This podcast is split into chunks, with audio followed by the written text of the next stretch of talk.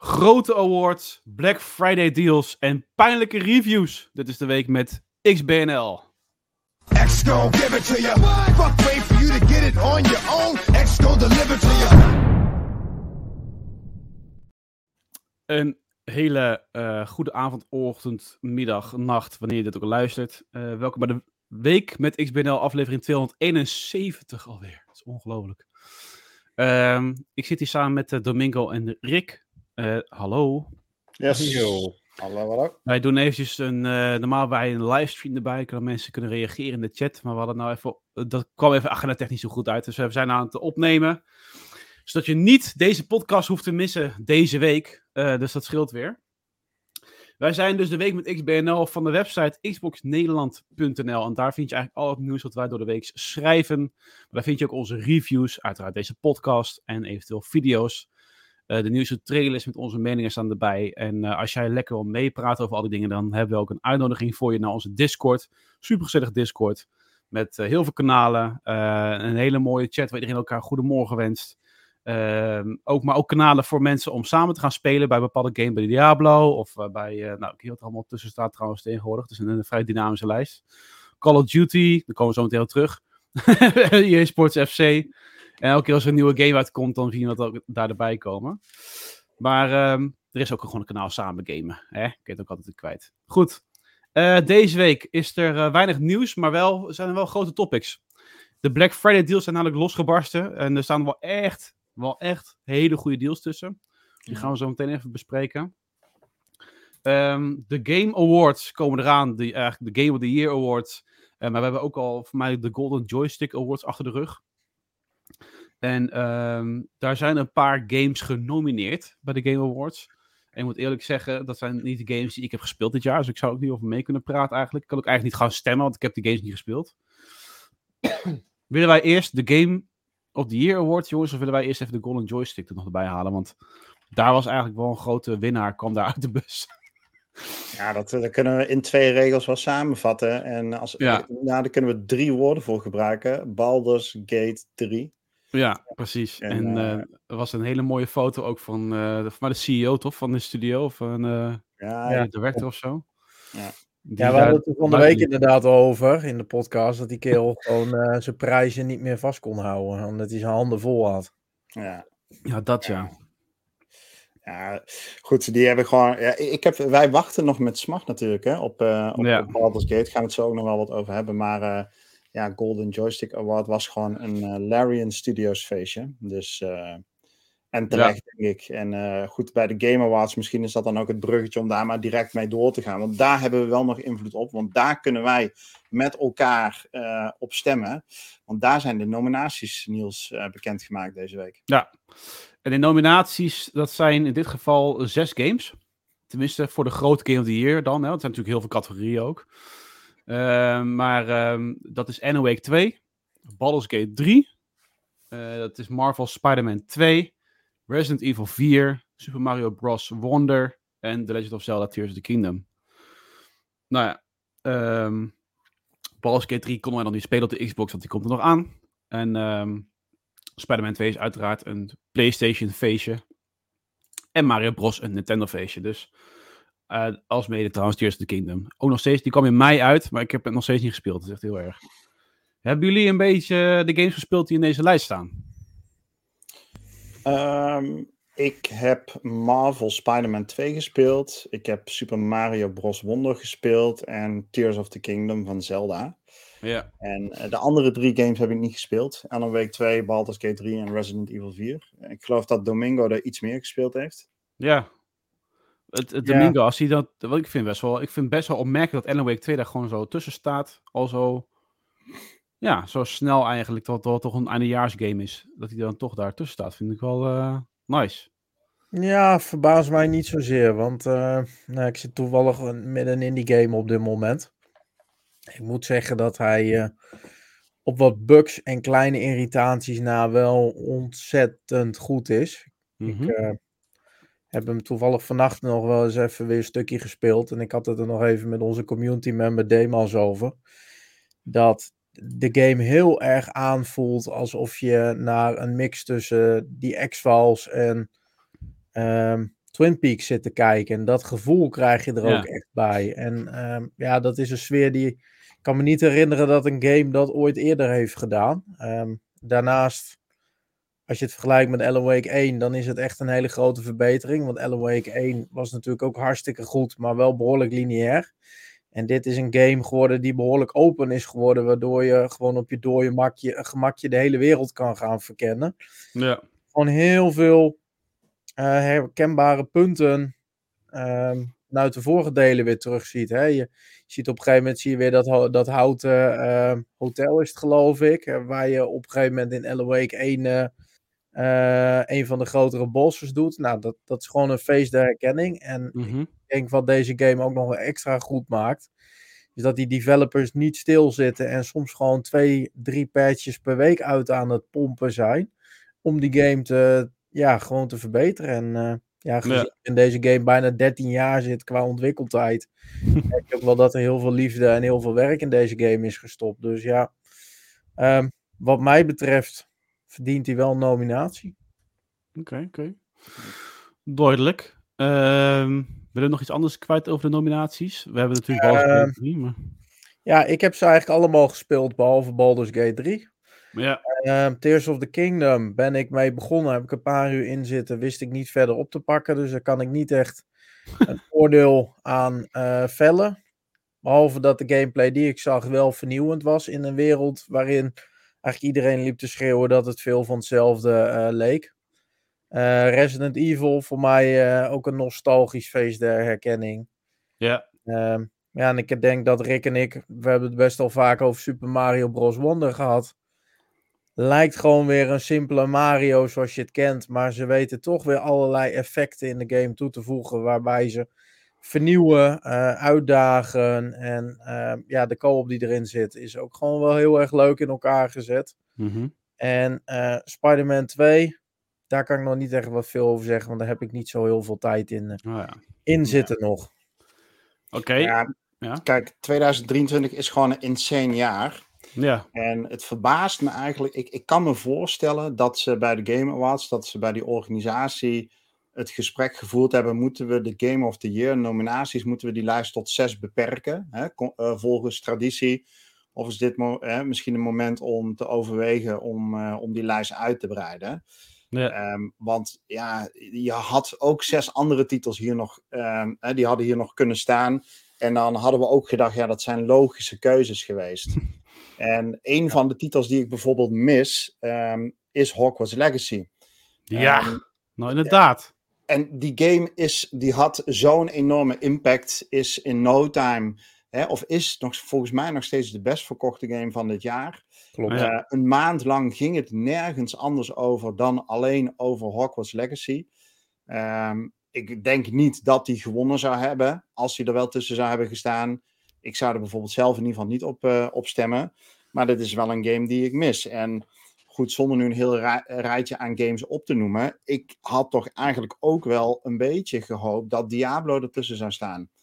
Ehm, ik denk als je puur kijkt naar Diablo, hoe die ontvangen is in de eerste maand nadat die uitgebracht is.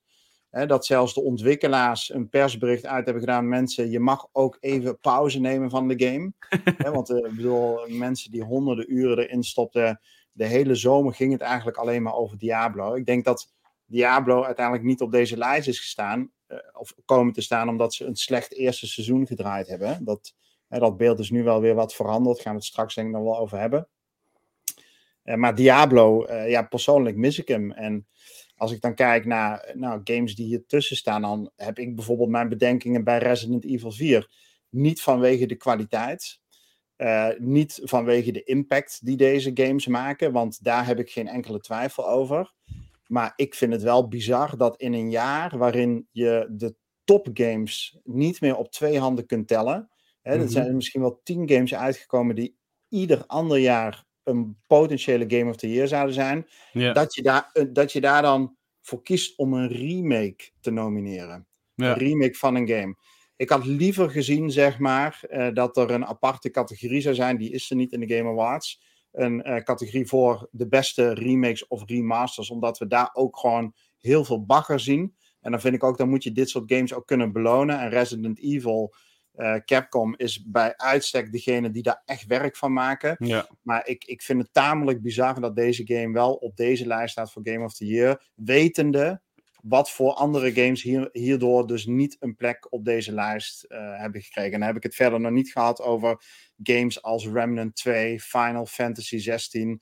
Ehm, Ja. en de, de list goes on. ja, inderdaad, ja. Ik heb En- daar wel een verklaring voor, al ben ik het helemaal met je eens. Zeg Ik denk eens. dat er heel erg gekeken wordt naar het gemiddelde van de cijfers die deze game eh, hebben gekregen in de review scores. En als je daarna gaat kijken, zeker als je het even om Metacritic gaat vergelijken, waar ik net nog even gauw heb gekeken, dan komen al deze games tegen een 9 aan of ze gaan er overheen. De enige uitzondering is eh Alan Wake 2, die zit op 87. Diablo zit met een gemiddelde van 86 en Hogwarts Legacy zit zelfs op 84. En ik heb het gevoel dat ze dat als uitkomst gebruiken, met name om te kijken van wat nomineren was Game of the Year of niet. En ik vind het best wel jammer dat deze game niet, of deze ehm, nominatie, dat ze niet iets hebben van beste nieuwkomer. Want ik denk oprecht dat als dat de categorie was geweest van hè, beste nieuwkomer, dan denk ik dat Hogwarts Legacy die echt met vlag en wimpel had verdiend. Ja, ja, ja exact. Ja, ja, best de debut game. Maar dat is dan voor indies. Hè? Best debut indie game. Ja, daar Ja. valt Hogwarts Legacy natuurlijk totaal niet onder. Ja, het zijn uiteindelijk onze collega's die nomineren. Hè? Dus dit is geen eh, publieksnominatie. Eh, dit eh, komt gewoon vanuit het vak. Eh, de, de gamejournalistiek, de grote outlets, die dragen titels voor. En het zou best kunnen dat Metacritic daarin meeweegt. Maar uiteindelijk zijn het redacteurs zoals jij en ik die ehm, laten weten van hè, voor deze categorie zouden wij deze games op de lijst terug willen zien komen. En daar komt een soort van gewogen gemiddelde uit. Ja. Ja, en in hoeverre ehm, ja, mensen zich dan laten beïnvloeden door Metacritic, dat, dat zou best kunnen, dat weet ik niet. Ehm, ja, goed, kijk, nogmaals, het gaat ook. eh, Resident Evil is gewoon echt een topgame. Het is niet mijn type game, maar ik erken dat dit gewoon een topper is. Hè, dat ho- hoeft niemand mij uit te leggen. Maar in zo'n jaar als dit vind ik het raar dat die door onze vakgenoten genomineerd wordt. eh, waar eh, andere games daar misschien minstens eh, zoveel recht op zouden Ja. moeten hebben. Ja, eens, want Resident Evil 4 eh, staat natuurlijk ook gewoon in de top 100 beste games alle tijden. Dus we weten natuurlijk eigenlijk al hoe goed het is. En is het eigenlijk raar dat die game daar nogmaals eigenlijk gewoon de credits voor krijgt in, de- in de vorm van een remake. Ja. Ik zat alleen wel te denken wat je net zegt, Rick, van hè, dat eh, outlets eh, uitkiezen van joh, dit zijn de games die we aandragen. Kijk, de cijfers van outlets maken natuurlijk uiteindelijk het cijfer van Metacritic. Dus als die outlets eh, gaan kijken van joh, welke games hebben wij het hoogst beoordeeld, dan, dan kom je inderdaad uiteindelijk bij zo'n lijstje dus uit. Ja. Ja. Ja. nee, dat is zeker waar. Ja. Oké, welke games zouden jullie zelf... eh, ik, kan, ik kan niet stemmen, ik heb, ik, heb, geen- ik heb ze allemaal niet gespeeld. Maar op basis van jullie ervaring nu, uit deze zes dan, wat, wat zouden jullie stemmen? Nou, vijf eigenlijk, want Ik ik heb kunnen niet zeggen. Ja? ja, waar heb jij op gestemd dan? Nou, ik had het liefst eh, alle games gespeeld natuurlijk, maar Baldur's Mhm. Gate, ja, daar kan ik gewoon niks over zeggen. Ik hoor alleen hoe goed het is, maar ja, daar kan Mhm. ik nu gewoon geen mening over hebben. Ehm, Resident Evil 4 vond ik hartstikke goed, maar vind ik oneerlijk om daarop te stemmen, omdat het een remake betreft. Ja. Eh, en Mario, eerlijk is eerlijk, het is wel weer gewoon een Mario, dus vond ik ook niet eerlijk. En datzelfde gold voor Zelda. Ja, en als ik dan ga kijken naar Alan Wake 2, ja, dat is eigenlijk ook geen nieuwkomer. Maar als ik zie wat ze nu doen met Alan Wake 2 en wat, wat ik net al aangaf, wat de verbeteringen zijn, hoe de game eruit ziet en wat voor vibe het geeft, ja. Als dit het rijtje is, dan doe ik dat. Maar ik zeg heel eerlijk, als hier Diablo 4 of Hogwarts Legacy tussen had gestaan, dan was het uiteindelijk wel tussen die twee games gegaan. Ja. En dan denk ik, als ik kijk naar speelplezier, dat die uiteindelijk mijn stem wel naar Diablo was gegaan. Oké, jij Rick? Ja, ik vind het lastig. Hier staat eh, geen eh, titel tussen die mijn Game of the Year eh, zou zijn. Ehm, ook geen titels tussen die in mijn top 3 staan en misschien zelfs niet in mijn top 5. Voor mij zou het op basis van deze lijst gaan tussen Marvel Spider-Man 2 en eh The Legend of Zelda. Ja. En dan denk ik dat ik meer onder de eh, indruk was van de vernieuwing en eh, de ja, fantastische open wereld van Zelda. Omdat bij Spider-Man ik eh, dat ook een hele toffe game vond. Ik zou, ik bedoel, we reviewen dit hè, type game natuurlijk niet omdat het niet ons platform is. Maar die zou ik met gemak een 9 of 9,5 geven. Oké. Maar, ehm, maar dat heb ik ook al drie keer gespeeld. Ja. dus dan zou ik voor Zelda Tears of the Kingdom gaan. Ja. Ja, nee, ik heb inderdaad... Ja, ik heb uh, Hogwarts Legacy is nog steeds mijn Game of the Year. Eh, en ja, Diablo 4 zou op de nummer 2 staan. Maar ik, heb, ik moet nog überhaupt een beetje bij... Ik hoop dat ik LMA 2 voor het einde van het jaar nog speel. Zodat ik gewoon weet van, oké, hoe goed is die game? En kan die in mijn lijstje zo meteen van dit jaar? Want ik heb nog heel veel games van dit jaar nog niet gespeeld. Dus ik heb überhaupt deze zes games nog niet gespeeld. Eh Resident Evil 4 wil ik ook heel graag spelen. Want ja, ik heb de eerste keer dat ik Resident Evil 4 gespeeld, was ik echt gewoon serieus 2004. Dus ik heb er daarna gewoon niet meer aangeraakt. Dus het voelt dan als een nieuwe game, tenminste, voor mij. Eh, maar helemaal eens met jullie uh, gedachtegangen daarbij. En hoe groot achter wij de kans? Trouwens, ik, nog eventjes een... Uh, even kijken. Er zijn 31 categorieën bij de Game Awards. Je kan ze op allemaal stemmen, toch? Zelf, als je Ja. gewoon inlogt. Uh, Ja, klopt. Ja. nou, dus dan kan je gewoon al die... Uh, dat zijn er echt heel veel. En uh, ik ben ook altijd wel heel benieuwd wat daar allemaal uitkomt. Uh, er, zijn behoorlijk wat, uh, er is behoorlijk wat competitie bij uh, alle categorieën. Want indie games, eerlijk jongen, deze game, of dit jaar was echt weer zo goed voor indie games. Um, en best ongoing vind ik altijd wel een beetje de, de usual suspect, vind ik dat. maar de best narrative en de best art direction en best game, ja, dat vind ik altijd wel. En best score en music bijvoorbeeld, er zou dan weer een Starfield tussen staan. Dus uh, ja, heel benieuwd. Ja, Starfield staat helemaal nergens tussen, hè? even voor de duidelijkheid. Nou, ik heb geen overzicht eigenlijk van wat er ja, nu al... pakken, welke nee, wil je openen? Laat misschien kunnen we nog één of twee kort bespreken. En, uh, best uh, score en music, de vijfde. Deze erbij. Oh, dat staat gewoon... Oh, uh, dat staan er vijfde elke keer. Oh ja. Ja. In de best ja. hè, voor degenen die nu niet meekijken, maar luisteren, ja. Best Score en Music, daar staat Ellen Week 2 in. Uh, Petri Alanko als composer. Baldur's Gate 3, Final Fantasy 16, um, Hi-Fi Rush en The Legend of Zelda Tears of the Kingdom. Ja, ik ja. denk dat dit keihard gaat tussen Hi-Fi Rush of Final Fantasy 16. En waarbij ik denk dat Final Fantasy 16 gaat winnen. Maar wat denken jullie? Uh, ik moet zeggen van deze. Ik weet niet, Domingo, ook jij. Uh... Ik heb op uh, Final Fantasy 16 uh, gestemd. Oké, okay, ja, want ik heb die al nog steeds niet gespeeld. Hi-Fi Rush wel, maar dat vond ik niet echt een game. Ik dacht van, oh, daar is de audio zo goed van. Ja, maar die, die, ja. Och, jongen, die, die muziek, jongen, van die boss battles in Final ja. Fantasy, die ging echt ja, die moet nog ongekend. spelen. Het was zo goed. Ja, dat is wat ik uh, van de week ook nog tegen, tegen jou zei, Rick, in een party. Er zit één zo'n soundtrack in. Uh, die krijg je meestal als je een wat moeilijkere boss battle, uh, boss battle, Bessel. boss battle krijgt. Ja. ja. Um, en die begint eigenlijk met een, uh, met een flinke bas. En ah, ja. in het begin, uh, dan hoor je dat nummer uh, even voor het eerst en denk je, ja, het zal wel. Maar op een gegeven moment ga je dat gewoon koppelen aan, oké, okay, nu gaat er een bossfight komen. Zo'n bossfight begint meestal net na een cutscene. En dan weet je, alright, now ja. we're talking. Nu gaan we ja. beginnen. En dat brengt wel gewoon heel veel sfeer met die game mee. Ah, dus vandaar dat hij ook mijn uh, stem heeft gekregen. Ja, ik, niks aan toe te voegen. Dat is precies ook waarom die ook mijn stem gekregen heeft. Ik heb ook gestemd en ook. Ik dacht, uh, ik dacht eerst dat die categorie van best performance zou gaan om technische performance, maar het gaat om performance van een acteur. Ook wel ja. leuk om uh, dat uh, te zien, uh, inderdaad, dat die acteur van, dat is Cameron Monaghan van Star Wars Jedi Survivor, maar ook Idris Elba van Cyberpunk, dat is echt wel tof hoor. Ook voor Alan Wake 2, die natuurlijk ook een enorme ruimte biedt om performance te laten zien, hè? met de facial animations en zo. Ja.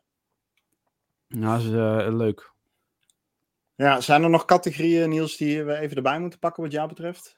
Uh, ja, indies was ik dan benieuwd naar, maar er staan allemaal indies tussen die ik dan weer niet... Uh, tenminste, debut indie, sorry. Uh, er staan niet games tussen die ik heb gespeeld, helaas. Die nog best action en best RPG?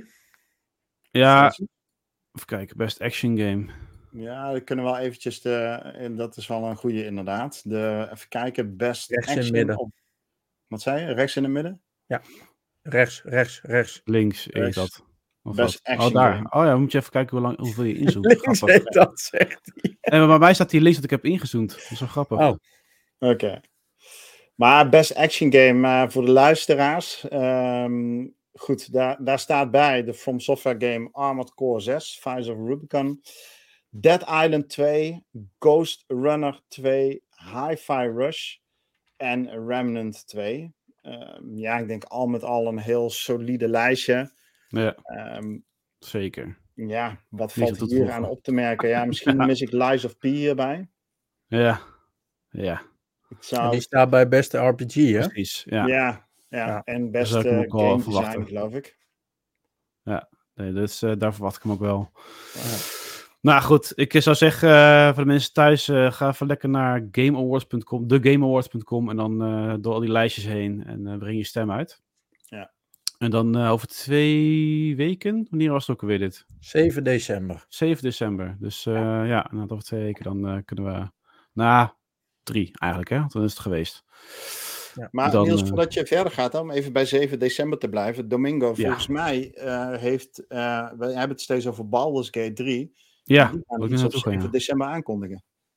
Die eh, wordt inderdaad, eh, tenminste is de planning op 7 december aangekondigd. Heeft eh, Larian Games laten weten vorige week. Via X.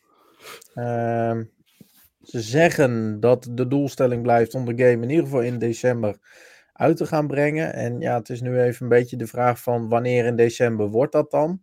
Ja, Eh, wordt dat direct na de Game Awards of de dag erop? Of wordt dat dan ergens in, eh, in de komende weken? En Ja. ja. ja, ik denk zelf eigenlijk dat een, eh, een shadow drop best eh, mogelijk zou kunnen ja zijn. ik ook. Ja, dat vind ik ook, ja. Ja. Die pakken gelijk de stage, denk ik dan. En dan, eh, en dan kan nu beschikbaar. Ja, dit gaat, ja, precies. Of, of de dag daarna of zo. Maar de, de vraag die een beetje binnen de community gonst. Gaat deze game in Game Pass komen? Ehm, ja, dat is een beetje wishful thinking, denk ik. Maar dat Ja. is in ieder geval de vraag die iedere dag even opdoemt. En waar mensen volgens mij vurig op hopen. Eh, hoe, wat is, hoe denken jullie daarover? Ik denk het niet. Nee, ik denk het niet. Het zou een goede Nee. zijn, maar ik denk het niet. Niet Ik denk direct. het ook niet. Nee. Microsoft heeft natuurlijk een behoorlijke flater geslagen met die uitspraken toen, eh, toen de game net uit was. Of eh, met name Phil, laat ik het zo zeggen. Want? Eh, nou, Phil heeft er toen een, een geflopte second run Stadia RPG game genoemd. En echt? dat had er, ja, echt. Oh, totaal gemist dit. Oké, ja, die game zou toen, in principe was er toen gemeld dat er sprake zou zijn dat die game aangeboden zou gaan worden voor Game Pass. En Phil Oh. heeft dat eh, ja, eigenlijk eh, toen de grond ingeboord. Echt? Wat een Ja. sukkel. Ja, dat is echt eh bizar. Dus als ze Dat nog voor dom. elkaar willen krijgen, ja, weet je, blijkbaar is de sfeer met de developers wel goed, hè, want ze Ja, ze hebben hebben zich samen gekregen. keihard ingezet om die game dit jaar nog naar de Xbox te krijgen. Ja.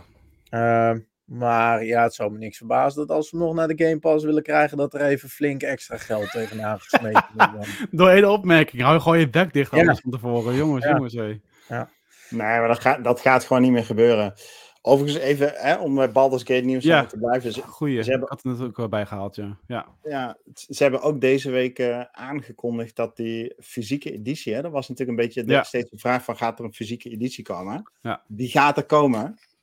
Die kun je pre-orderen. Nu, dat kan vandaag. Dus eh, moet je even de xboxnederland.nl checken. Dan hebben we een linkje naar de pre-order. En dan kun je de deluxe edition. Maar wat ziet die er gruwelijk uit? Ja. Hadden jullie hem al gezien? ja, zeker. En ik had niet verwacht dat er Ja, zoveel in zou zitten voor een Deluxe Edition. Ja. Want meestal kost een game al 80 euro. En Ja. nu heb je echt een, gewoon heel veel fysieke shit in een editie van 80 euro. ja. Ja. Ja, echt insane. Echt een hele vette cover art. Grote, eh, ja, eigenlijk een soort van groot boek of zo, wat je, eh, waar de game volgens mij in zit. Met een steelcase en eh, een map van de wereld. Ja, ik zie je oog al twinkelen, Rick. Dus jij gaat deze halen, dat is duidelijk. Ik heb hem besteld. Ja, En, en misschien voor beide platformen. Dat laat ik even in het midden. Zo. misschien voor beide platformen ook. Ja, nee, maar deze, kijk, je moet, het zijn toch een beetje je locals. Hè? Ik bedoel, België hoort er natuurlijk gewoon, dat noem ik maar even nu, nu het ons Ah, uitkomt, daar gooi je het onze op, ja. locals. Ja. Dus die mensen... Rick, gisteren. Hey, even voor je beeldvorming. Rick, gisteren.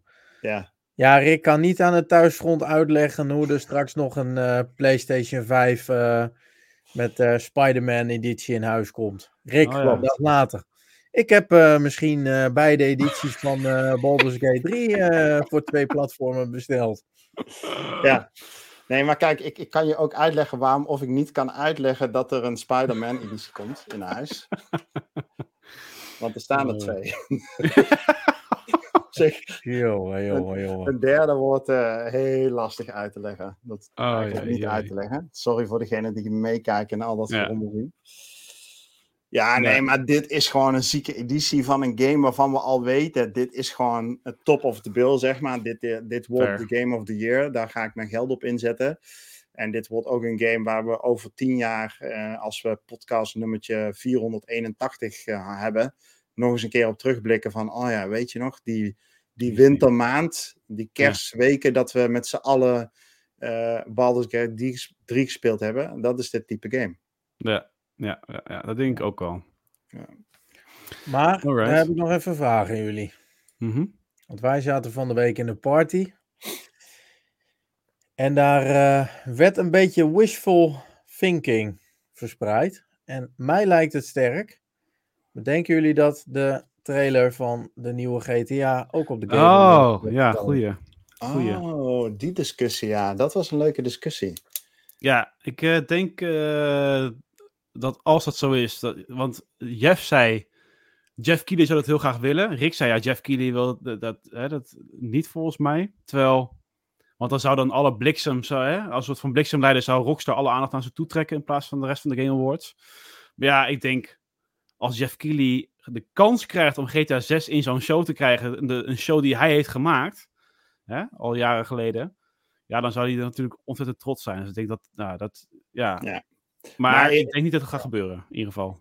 Nee, en ik kom daarop terug, want ik vond dat een sterk argument van jullie. Ja. En ik denk inderdaad, als hij de kans zou krijgen, dan gaat hij dat zeker doen. Want het is dan zijn show waar het aangekondigd is. En eh, eh, tien jaar lang in allerlei podcasts, tot aan GTA 7, wordt hè, nog Ja, een keer die show ik erbij gepakt, die aankondiging. Dus ik zat daarnaast. Ik denk, al- als die, ik denk niet dat het gaat gebeuren. Maar als hij het aanbod zou krijgen, zou hij het zeker met beide Ja. handen aangaan. Ja. Precies. Hebben jullie ook die troll gezien afgelopen week op X? Ja, maar dat was fucking... Is Jij- Een, een, eh, nou, op zich is het best wel een, eh, een erkend account. Wat heel veel eh, bericht over alles wat met GTA te maken heeft.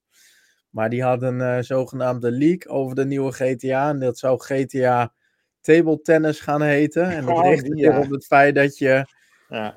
eh, in auto's kon stappen, rond kon rijden in de stad. En dan eh, potjes tafeltennis tegen Ja. random mensen kon gaan spelen. Ja. En dan heb je gewoon altijd zo'n gedeelte van de community die daarin eh, trapt. En gewoon helemaal in paniek raakt. En eh, weet ik al wat. Ja. Ja, nee, dat was inderdaad. eh, dat logotje zag er ook leuk uit. Maar, ja, maar jouw maar- troll-opmerking erbij ook, Domingo. Als het gaat gebeuren, dan ga ik janken. Ja, Mensen wel serieus reageren. Nee, dat hoe, gaat zat dat, hoe zat dat ook alweer Ja. met die eh, ta- table tennis game? Was dat niet ooit door Rockstar om Ja. een Ja. nieuwe. eh, Rockstar Table Tennis. Ja. ja, maar dat Tennis. was toch om de engine voor GTA 3 of 4 of zo. eh, Testen. Voor GTA voorwerk 4. daarvoor Ja, te doen? zoiets. Maar hoe heet het ook weer? Die Euphoria Engine of zo? Ja, wilden ze toen, eh, daar, was die ingemaakt inderdaad. En dat, ja, klopt. Ja. Oké, Nou ja, goed. Tot zover even de Game Awards, Baldur's Gate 3 dan. En dus eventueel de GTA 6 trailer. Ik echt wel, ik, ik ben zo hyped voor GTA 6 jongens. Dat is niet normaal. Ik ben Het wel is eh, de wordt. Rage. De Rage. Oh, Rage, Engine. sorry. Ja, ja. Stond voor Rockstar Advanced Game Engine. Ja, en GTA 4 had dan toch een andere engine volgens mij achteraf. Maar goed. Eh, oh nee, ook nog eh, GTA. Oh nee, is ook nog Rage. Nou, oké, goed. Goed verhaal. Ehm, we gaan door naar eh, Black Friday, want die is eh, sinds gisteren gestart voor mij. Een week voor Black, de echte Black Friday. En Black Friday is voor mij altijd de vrijdag voor Thanksgiving, hè? In Amerika, dat je dan eh, dat de, gekte toeslaat in de Walmarts en alle winkels in Amerika, waar mensen elkaar verdrukken. Tot de dood verdrukken ook nog eens een keer, om een zo goedkoop Ja. mogelijke deal ergens te scoren. En, 40% Dat gaat pas in altijd na een bepaalde sound, hè? Wist je dat? Ja? Dankjewel, Domingo. Heel goed. ja. Ik dacht, ik pak even die lijst erbij eh, om eh, Ja, mensen goed. mee te laten Ja. kijken. Maar dat, ja, dat is natuurlijk totaal niet te lezen. Maar de- want die, die lijst is ook eindeloos. Ah, valt wel mee. Voor ons wel.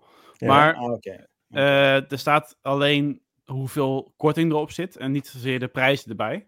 Ja, dat klopt. En, Maar daar kunnen ehm, we op klikken natuurlijk, hè. Dus dat... eh, Ja, dat oké. En anders hebben we op de website hebben we ook nog een, eh, een lijstje staan. Daar staan wel wat prijzen eh, bij met kortingen. Ja, precies. Ja, eh Domingo heeft een paar eh, eh, voor mij eh, games op een rijtje gezet die een greep uit de collectie. Want laten we wel wezen, er is heel veel in in, eh, de aanbieding bij eh, Xbox. Ja. Met korting. Eh Domingo pakt in ieder geval EA Sports FC erbij voor 40 euro nu, van 80 naar 40.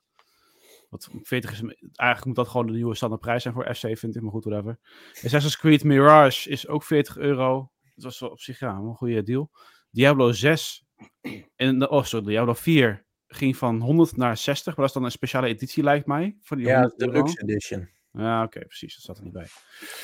Hogwarts Legacy van 75 euro, dat is dan ook misschien een hoge grotere editie, naar 45 euro. Nou, kan je zeggen, ik heb zelfs toen die uitkwam de game voor 50 euro gehaald, fysieke editie, maar goed, whatever. Eh, dus sommige, sommige kortingen zijn ook al een beetje dubieus hoor. Dan denk ik van, ja, gaan ze eerst die prijs omhoog gooien om vervolgens eh, naar beneden te brengen en dan te doen alsof er heel veel procent korting op zit. Ja. Dead Island 2 Deluxe Edition is dan wel echt 75 euro geweest. Is nu 45 euro. En Resident Evil 4 52 euro. Nog steeds best wel, nou, best wel een prijs is. eh, want daar staat ook echt een nieuwe prijs 80 euro. Dat doen ze ook nog zo hoog mogelijk. En dan brengen ze terug naar een, een gameprijs die we eigenlijk überhaupt normaal vinden. Nou ja, FN23, Street Fighter 6, eh eSports UFC. Dat is net uit. UFC 5 voor 56 euro. En Lords the Fallen, die volgens mij helemaal niet zo goed is, voor 49 euro. Ja. Maar wordt hier nou iemand enthousiast van, van dit lijstje? Nou, eh, als je het complete lijstje erbij pakt van andere, dan zie ik wel dat er van die kleinere games eh, echt onder de 10 euro eh, zijn. Ja. En ik denk van, nou, die kan je dan wel oppakken. Zoals een The Evil Within voor 3 euro, weet je. Dat soort games die al wel ouder zijn, maar wel nog goed op de Xbox. Ja. Die hebben echt wel eh, een behoorlijke Maar, prijsdrop eh, gehad. Oh, even. The Evil Within is toch van Bethesda? Bethesda is toch van Microsoft? Dus het is toch gewoon Game Ja. Pass? Nou ja, en datzelfde geldt voor Lost in Random. Die is ook 3 euro. Maar ja, dat is een EA Play game. Dus dat kan je ook nog eens een keer via EA, eh, via de Game Pass, zeg maar, kan je het gewoon eh, eh, spelen. Maar ja, dat geldt op zich wel voor meerdere games. Maar ehm nee, dat zijn op zich wel de moeite waard om nou even naar te kijken naar de, de longlist. En voor mij is alles gewoon in de aanbieding. Ja, maar kijk, ik ben het dus wel met jou eens. En ehm ehm, tuurlijk moet je ook. Oh, ik krijg gewoon een ouderwetse error. Maar eh, t- t- tuurlijk moet je ook gewoon kijken naar. ehm, eh, ja, hè, naar die. Ja, wat zit er in Game Pass? Hè, dus eh, waar wil ik wel of niet mijn geld aan uitgeven? Maar ja, Black Friday is ook een beetje voor mij voor die grotere titels. Die 70 euro kosten, soms 80 euro. En waarvan ik dan denk, ja, weet je, het, eh, volgens mij hè, zijn het hele goede en leuke games om te spelen. Eh, maar ja, het is ook wel een fors bedrag. Ik wacht op het moment totdat hij eens een keer zo richting de 20, 30 euro gaat. Ja, En dat Ja. type games zitten er niet tussen. En er zitten wel kleine games tussen die inderdaad, hè, de- als we even door gaan kijken, dan, dan zal Ori waarschijnlijk wel voor 10 euro te koop zijn. En Life is Strange voor 10 euro. En Lego games voor 10 euro. Maar dat is niet waarvoor ik Oh. het doe. Nee. Hè, dus die, eh, dus ik, ik was, nou teleurgesteld is een beetje een groot woord, maar ehm, ja, er zat voor mij gewoon niks tussen. nee. Dat, Ik snap dat- wel dat- opeens waarom jij een error had, eh, eh, Rick. Wat dan? Ik denk dat jouw vriendin gewoon een firewall erop hebt gezet. Dat jij geen dingen meer kunt kopen. ja.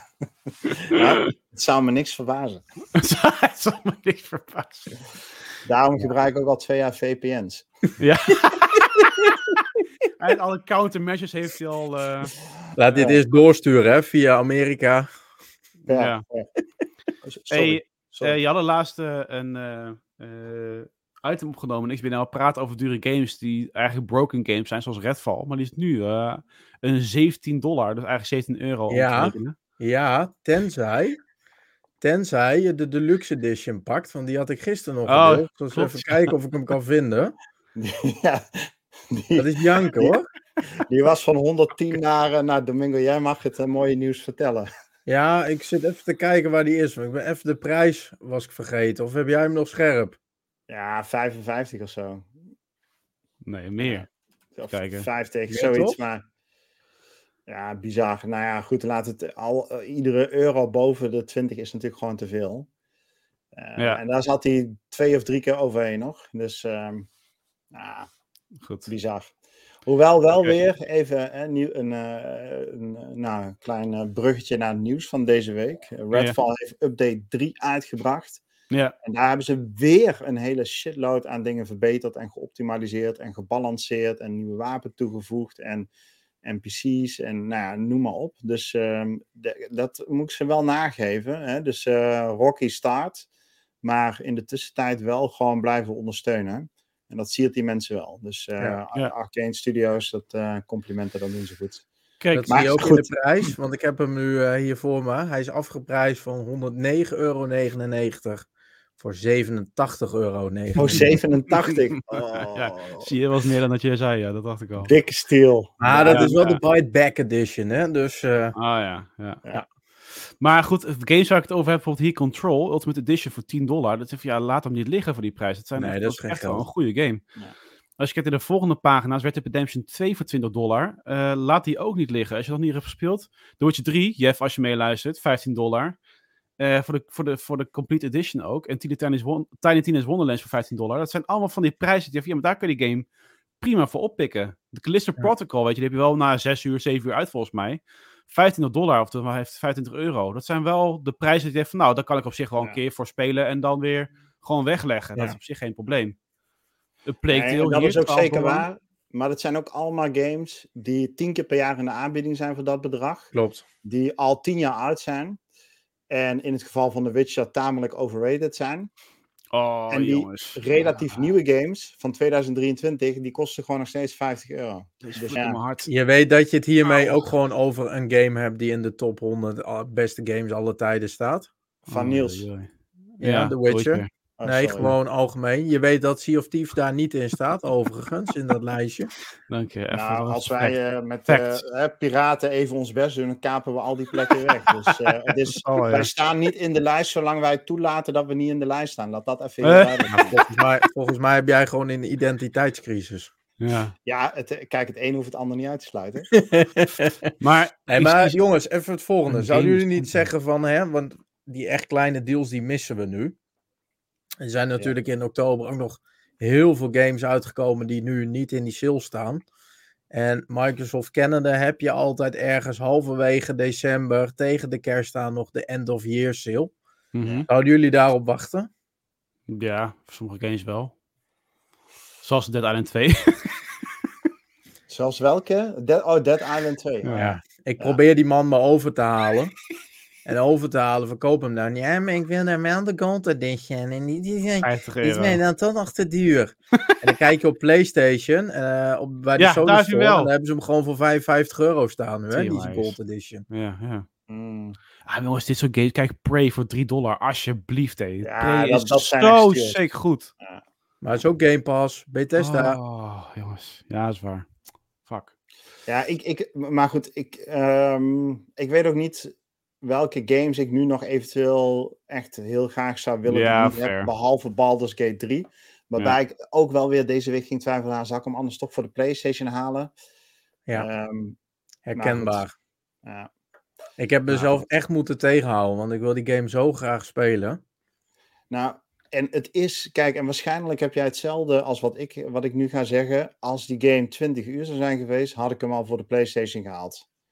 Maar dit is een game, dan ga je misschien, hè, als die klikt, honderden uren instoppen met elkaar. En dan wil Ja. ik gewoon op mijn Ja. eigen platform doen. Precies. En ik ja, zie het ook als een zegen eigenlijk dat hij nog niet uit is op de eh, Xbox. Want ik heb nu nog Alan Wake 2 en Spider-Man 2 te doen. En eh, er ligt nog wel een stapeltje games. eh, die ik graag nog zou willen doen. Dus ja, weet je, ehm, ik pak deze komende weken nog even aan om die games een beetje af te gaan ronden. ja, ja, Zodat ik straks met een fris en goede moed aan die game kan beginnen. ja, ja, dat snap ik helemaal. Ja. Alright. Nou, tot zover de Black Friday eh, deals. Eh, ga naar de website en zie de assortimenten dat de Domingo heeft klaargezet eh, op de website. Ehm, hmm, zullen we tussendoor dan toch nog eventjes de nieuws in twee minuten pakken en dan eh, even ons eigen nieuwtje kiezen en dat aan de mensen verkondigen? Prima, ja. Eh, ieder een nieuwtje. Go for it. Hebben we kan jij bij die brand, uh, Domingo? Ja, mag jij? Nee.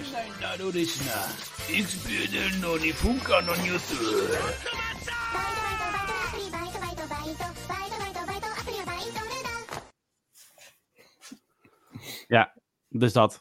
Anyways, um, ja, we mogen even. Dus er is niet heel veel nieuws deze week. Er is niet heel veel nieuws. Dus laten we gewoon even eentje pakken die wij interessant vinden. Dus eh elke persoon één nieuwtje. En Ja. dan eh buigen gewoon de rubriek om naar twee minuten per persoon. Boeien. Rick. Oké, één nieuwtje. Als ik eentje mag kiezen, dan kies ik beste mensen.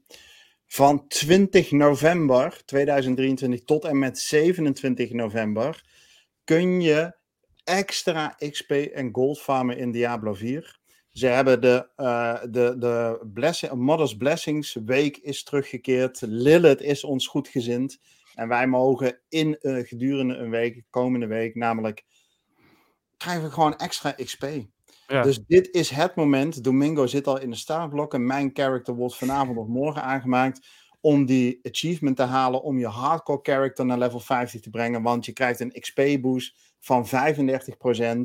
Als je dat in de season doet, dan zit daar ook nog een keer een boost overheen. Dus dit is het moment om te gaan shinen. Om level 100 te halen. Om hardcore eh, personages eh, te, eh, progressie te laten maken. Dus dat is mijn nieuwtje voor deze week. 20 tot 27 november, Diablo Modest Blessings Week. Be there, zou ik zeggen. Niels, be there. ik snap deze subtiele Oké. hint. Eh, terug naar jou, Niels. Eh, ik kaats hem even gelijk door naar de winkel. De winkel, wat is jouw nieuwtje? Ja, als we het al hebben over overleven, dan hebben we het op dit moment even nog niet over eh, Ark. Ja. Eh, Ark heeft nou, is namelijk bezig met een remake. Is al een tijdje, eh, als ik het goed zeg, uit op PC.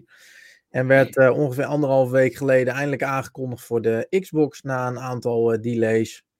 En eh, die zou eigenlijk deze week uit moeten komen. En die werd last minute toch weer uitgesteld.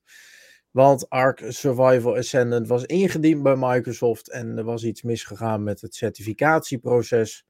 We hebben de makers laten weten dat zij ehm, later dit weekend een update plaatsen wanneer. Of sorry, dat zij een update plaatsen dat zij eh, de game opnieuw laten certificeren. Dat ze willen laten weten wanneer die dan gaat uitkomen. Maar dat moet ergens volgende week gaan worden. Maar is dit nou gewoon geklungel? Is dit zeg maar die lui student die vergeet dat hij zijn profielwerkstuk wel Ja, af heeft, hè? maar vergeten is in te leveren? Zo Wat is dit? het. Ja. Of is Ik dit... weet het niet. Oké. Ik weet alleen dat, het, dat er iets is misgegaan in het certificatieproces. Ja, dat kan betekenen dat Microsoft iets heeft gezien wat ze hebben afgekeurd natuurlijk. Kan zijn dat er een bepaalde stappen in het stappenplan is eh, vergeten. Dat, dat, dat stond er helaas eh, niet bij. Ik ben heel benieuwd naar deze game, man. Ik, eh, dit, ja, ik, ik ben heel benieuwd. Dit zou wel eens een shitshow eerste klas kunnen worden. Ja. Ehm, Ehm, Ja, zou ik, eh, denken jullie met Jeffrey weddenschappen kunnen aangaan dat Ark wel eerder komt dan een GTA 6? eh, dat kan jij. Ik zou Ja, dan- daarvoor dan- gaan. Ik ga het hem even op automatisch. eh, later vanavond in de party. Ja. nou, terug naar jou Niels.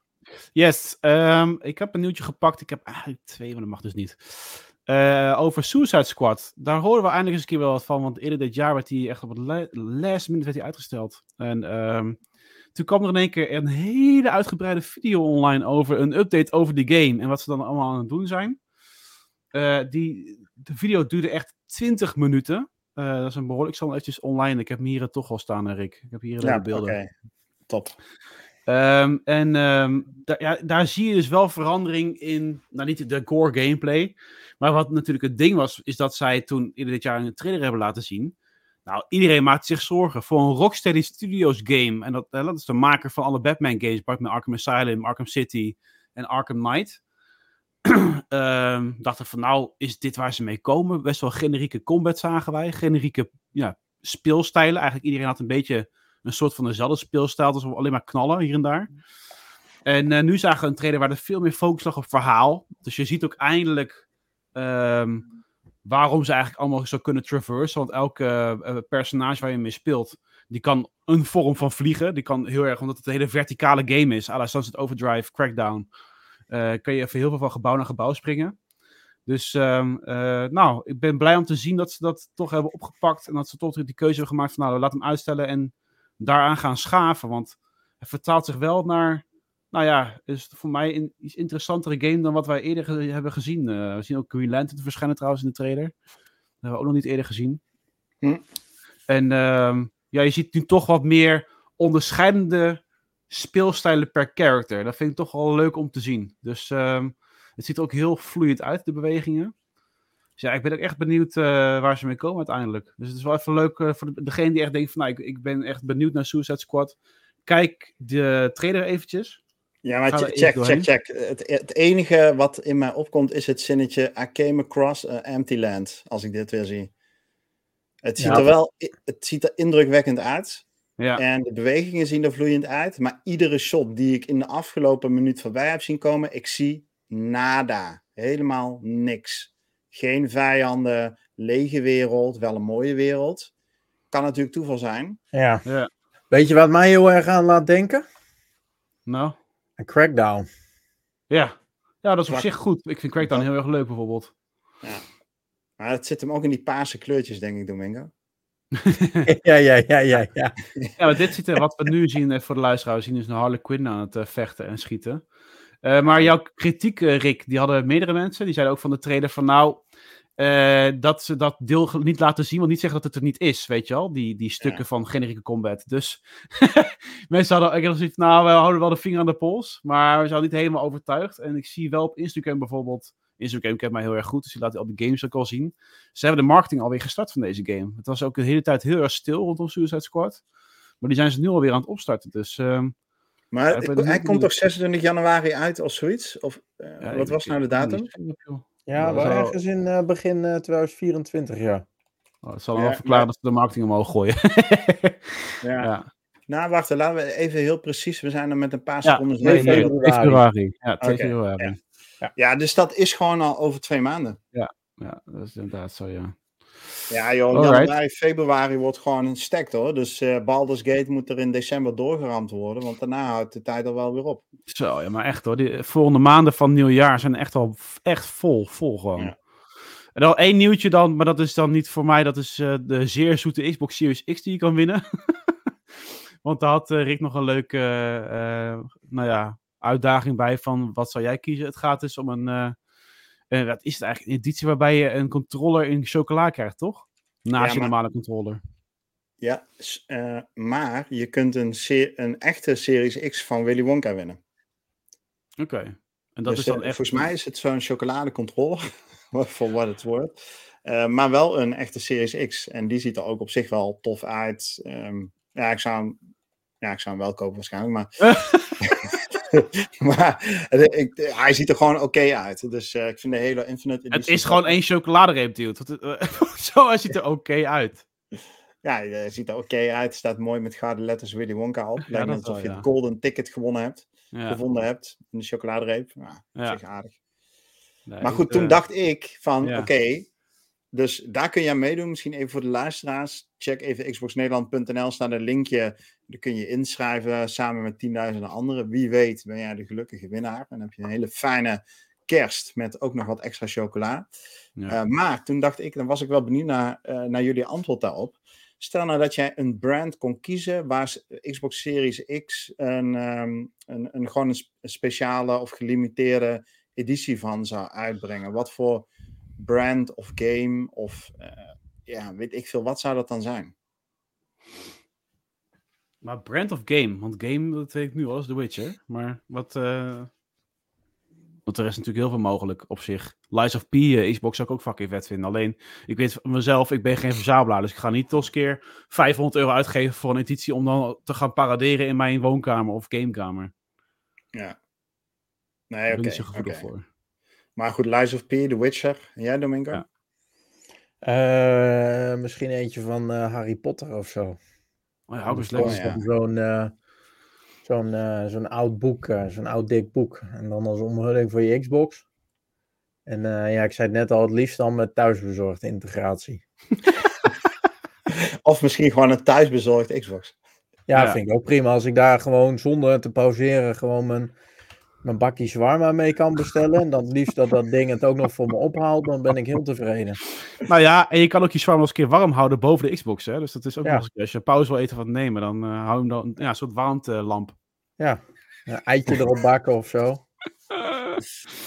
Ja. Ja. Wanneer is een Diablo 4 editie of zo? Dat ik dacht van, nou, misschien dat jullie dat wel kiezen. Nee, want weet je, Diablo betekent wel dat de kleur rood heel erg overheerst.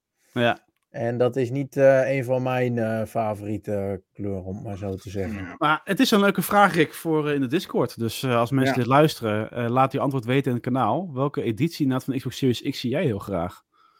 Ja. En dan, Ongeacht game of eh, brand, alle, alle opties zijn er. Of misschien even onder in dit artikel. Ja, dat kan ook. En dan eh, lezen ze de volgende keer maar voor. Alright. ehm, even kijken. Tot, tot zover het eh, nieuws. Toch? Ja, ik was de laatste. We gaan eventjes door eh, naar eh, de reviews van deze week. Eh, Reviews van helemaal goud. Helemaal kut. Xbox NL. Ja, goed, dat is toch een beetje anders dan met Jeffrey, hè? waar je het constant moet vragen. Ja, hij is altijd afgeleid. Ja, gewoon alert, hij anticipeert er al op. Hans zat al aan de knop. En eh, dat eh, voor, eh, een, eh, voor een e- eerste ronde. Ja, niet slecht. Ja. Ehm, we hebben een paar reviews die wij zelf kunnen beantwoorden, tenminste kunnen toelichten. We hebben ook heel veel reviews die je gewoon even moet nalezen op niks.nederland.nl. Het gaat om Persona 5 Tactica, ehm, die positief was ontvangen, kan ik er eigenlijk één over zeggen. Ik vond een hele leuke van eh, Jagged Alliance. Eh, de- ben, dan is, de Picnic heeft die gemaakt. Die geeft de game een 9. Ik dacht van, ja, maar als ik zie hoe enthousiast hij erover is, denk ik van, ja, misschien moet ik het ook eens een keer proberen. Maar, dan van, ja, maar die, die, het is, het, het is turn-based RPG zoals XCOM. Dat, dat, is, dat trekt mij gewoon niet. Zometeen met Baldur's Gate ga ik het wel proberen. Want het is toch meer eh, ja, half-half is dat. Mhm. Maar ehm, ja, Alliance, ja, het zag er wel goed uit, man. Maar Ja. Ik ben toch wel weer enthousiast door zo'n review. Ja, en die kreeg echt gewoon wereldwijd ook eh, hele goede kritiek. Ja. Hè? Ik geloof dat Ja. hij ergens een Metacritic 8,5 of zo geland is. Of hoog in de 8 in ieder geval. Dus eh, ja, dat Precies. is nice. Nou ja, en de review waar ik niet van op sta te kijken is, eh, of sta, van sta te kijken is Robocop Rogue City. Die ziet er in de trailers hartstikke leuk uit. Hij heeft een 5,5 gekregen van, van Rob. En dat, ja, dat, dat had ik al verwacht. Dat, dat van, oké, leuke licentie, maar we gaan er geen goede game omheen maken. Hij zegt, weet je, leuk originele stem. eh, het ademt te veel bekende gezichten, telltale element. Hij is grafisch niet geweldig, hij is traag. Audio is niet optimaal hij is erg kort. Dus eh, hij, was, hij was niet zo heel erg van te spreken. En even kijken, en dan de Smurfen. Dus we hebben een nieuwe reviewer onder ons. Dus, dat is Peter, community member Peter. En die heeft ons gelijk van een review voorzien van de, de Smurfen. En daar was hij op zich, ja, was een oké game. Eh, als ik het zo eh, lees in zijn review. Ja. Eh, had- zes- 6,7 kreeg hij. Ja, gewoon prima 3D-platformer. leuk, eh, redelijk leuk verhaal. Goede voice acting. Maar ja. een beetje eh, hier en daar wat langdradig. Ja, ja. Maar je loopt er dus geen blauwtje mee. Eh, ehm, goed, dan gaan we even door naar eh, reviews die wij wel zelf kunnen toelichten. En dat is eigenlijk eentje waarvan ik morgen eh, even reminder voor mezelf heb gezet. Ik moet morgen even leek gaan spelen. Zodat de review er zo meteen eh, finaal is. Maar Rick, jij bent bezig gegaan met de DLC van Leek. Genaamd Seasons Greetings. Seasons Greetings, jongens. Leek uit 2021. Onze XBNL Award winnaar voor de Klein maar Fijn Award van dat jaar. Hell yes. En, en dat van Nederlandse bodem, want dat is het. Deze game is door Gamius, Gamius Haarlem. Studios. Haarlem hè, is het geloof ik, Ja. ontwikkeld. En, eh, en die hebben nu ja, twee jaar later een DLC uitgebracht. En ik dacht eigenlijk van tevoren, ja, weet je, bij Leek was echt een fantastische game. En die duurde een uur of zes, misschien zeven, iets in die strekking. Dus ja, een DLC, dat duurde een keer een uurtje of twee. Maar dit was gewoon weer een DLC van zes uur. Dus het is eigenlijk wat gewoon een, eh, Oh, is een eh, hele dikke eh, prequel. Want dat is het namelijk. Het speelt zich af een half jaar ongeveer voor de gebeurtenissen van Lake. Ik denk eigenlijk om precies te zijn een maand of tien. En waar je in Lake met Meredith Wise als karakter eh, in, de huid, in de huid van Meredith kroop, eh, kruipen we nu in de huid van haar vader. En is Meredith op afstand. eh, die, eh, eh, nou, die is gewoon in de game niet aanwezig, behalve telefonisch af en toe.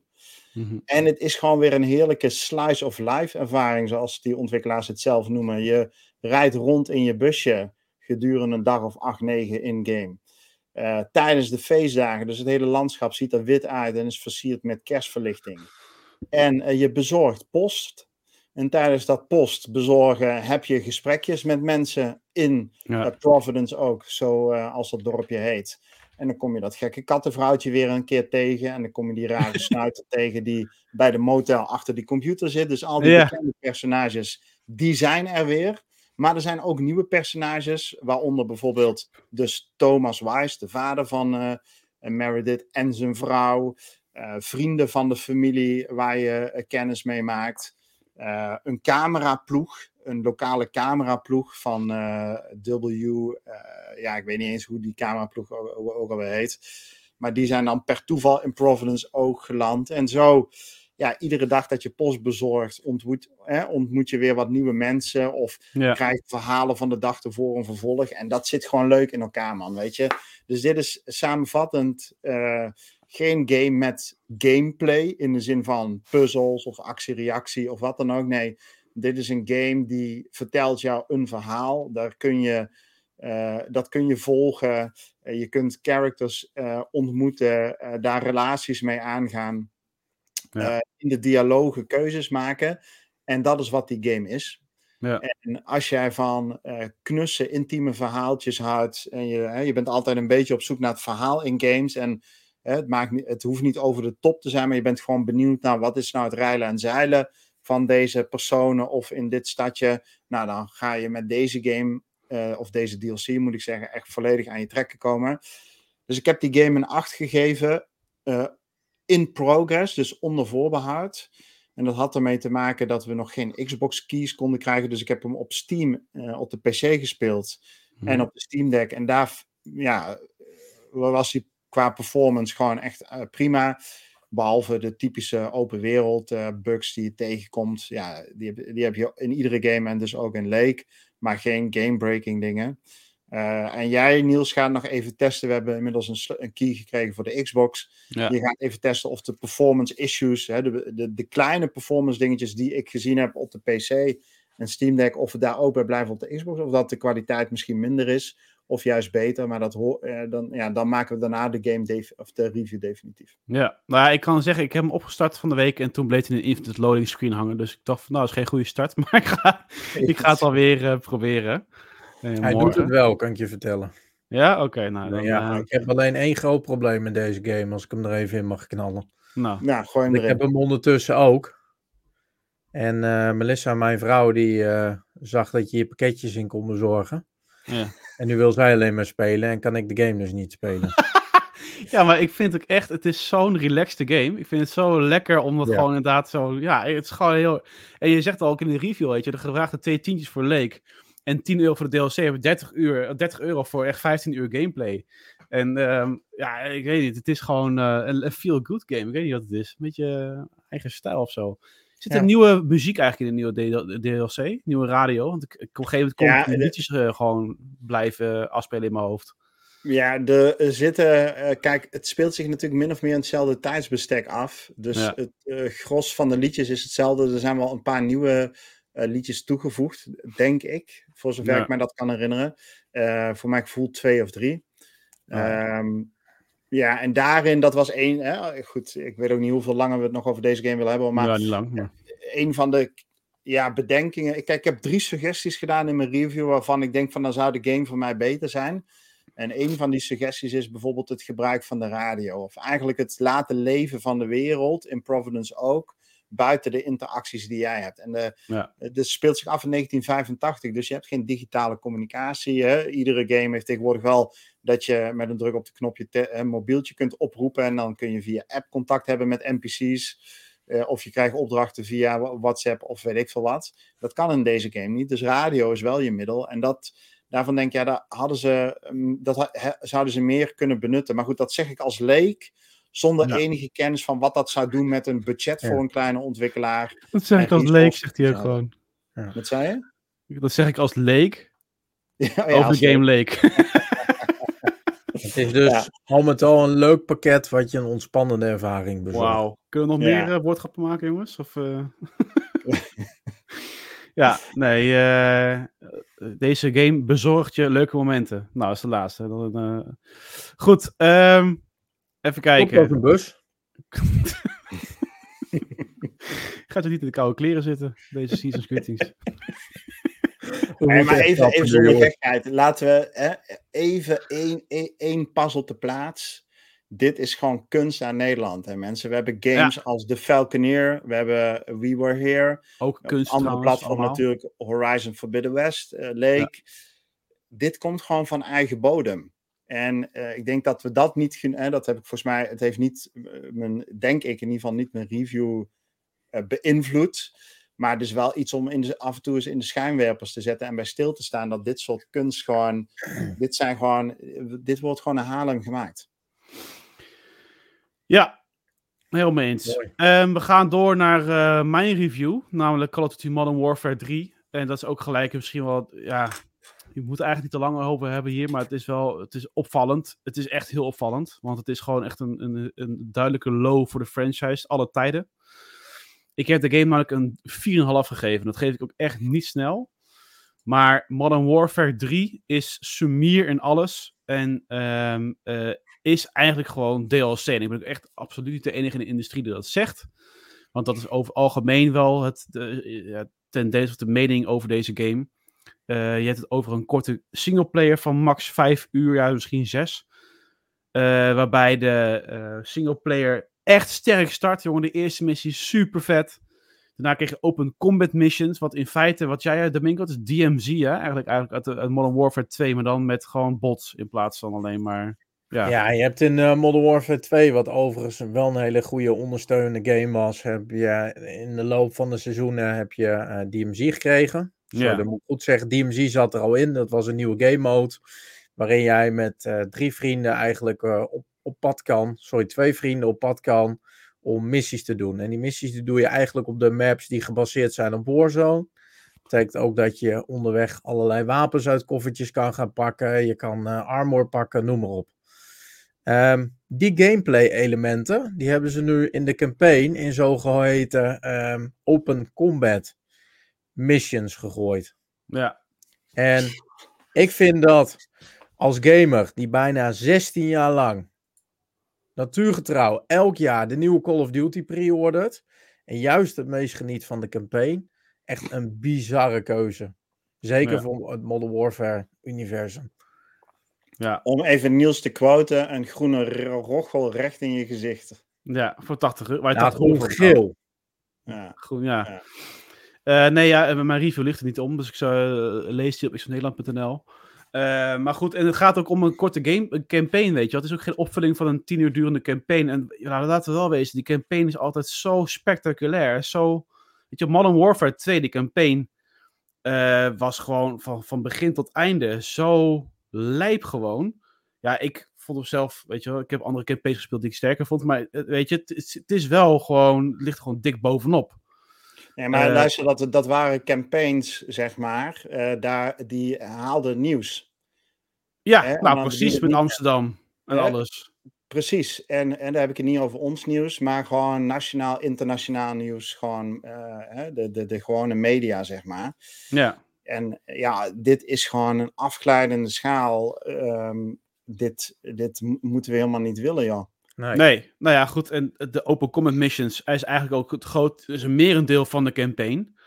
En dan ga je naar de eh, multiplayer toe. Als je daar komt, want die menus inderdaad, het is wat ik al zei, een kleurrijke diarree in je oog. Want ik vind, eh, het is, wie de fuck heeft dit menu gemaakt? Ja. En het is natuurlijk al voor mij al vaker zo. Dat, ik vind het al vaker een issue met, met, met Modern Warfare überhaupt. Maar huur één dag een UX-designer in. En je hebt al een beter menu dan dit. Weet je wat, wat, wat Niemand die daar iets over eh, zegt. Maar goed, dan ga je een multiplayer spelen. En dan heb je eigenlijk al een mode die je al lang kent. Nou, dan komt een nieuwe soort zombie-modus erin. Wat eigenlijk voor mij Warzone met een zombie-reskin is. Nou, op zich in de uitvoering nog wel leuk om te spelen. Ik heb het met Domingo toen gedaan. Nou ja, weet je. Op zich oké, maar niet revolutionair. Of dat ik dacht van, wauw, dit is echt een nieuwe game waard of zo. En ehm, eh, wat ook raar is, wat wel fijn was voor Domingo, want hij kon al zijn nieuwe wapens, of tenminste de wapens overzetten uit Modern Warfare 2, is dat je aan het begin van de game eh, met de multiplayer best wel dingen moet gaan vrijspelen in de eerste 10 levels, die ik normaal zou beschouwen als basic fucking shit, wat je gewoon kan doen. Ehm, en dan moest je nog allemaal gaan vrijspelen. En eh, je krijgt te maken met mensen die, wa- waar je tegen vecht, die allemaal nog wapens kunnen overhevelen of wat dan ook. Dus die, Ja. voordat je überhaupt op een, op een ranking komt waarbij je een beetje mee kan draaien met de rest van de spelers, moet je heel veel ego inslikken en doodgaan, want je komt er niet doorheen. Ja. Ja, het is gewoon heel duidelijk dat Call of Duty hard op weg is om een live service game te gaan worden. Precies. En, ehm, op zich, ja, weet je, als dat de richting is die de community vraagt, prima. Maar ga dan niet op deze manier ook zo'n campaign uitbrengen. Want wat ik zeg, ik kan het meest genieten van de campaign. En dat is denk ik nog wel. Ik weet niet of jij dat in je review had staan, Niels. Maar een, een dingetje wat mij ook heel erg uit de game haalde. De voorgaande Modern Warfare campaigns draaiden ook om jou en jouw team. Ja, En een, een heel mooi iets wat ik vind aan die campaigns is dat je het gevoel hebt dat je echt even in de voetsporen van een special force operator stapt en met jouw team de wereld gaat redden. En je wordt daarbij getrakteerd op ja, Michael Bay-achtige scènes. En ik denk dat een van de mooiste dingen in de reboot van Modern Warfare vond ik een hele mooie missie. Is dat je op een gegeven moment midden in hartje Lo- Londen in een woonwijk, midden in de nacht, ga jij ehm, een huis infiltreren samen met eh, eh, vier squads. Twee squads beginnen aan de voorkant. En jij zit in een van de twee squads die aan de achterkant van het huis beginnen. En je ziet gewoon echt een lalletje tegen een muurtje van het huis neergezet worden. Waarmee jij omhoog gaat. En je gaat elke hoek ga je bekijken. En langzaam ga je stapje voor stapje die trap op naar boven om die cel te infiltreren. ja. Jongens, de eerste keer dat ik dat speelde, mijn hart zat in mijn keel. Ik zat vol adrenaline. Ik vond dat zo realistisch. Want je weet dat dit soort missies, eerlijk is eerlijk, die bestaan. Die Ja. gebeuren. Midden in woonwijken waar jij wellicht als nietsvermoedende burger gewoon je dutje zit te doen om de volgende dag weer aan het werk te gaan. En nu, ja, weet je, je bent constant alleen. Je moet overal maar insneaken in je eentje. En op Ja. het moment dat jij betrapt wordt, eh, ja, dan moet je het maar uit gaan zoeken. En dan eh, ja, sta je eigenlijk gewoon alleen tegenover de computer en dan zoek je het maar uit. Ja.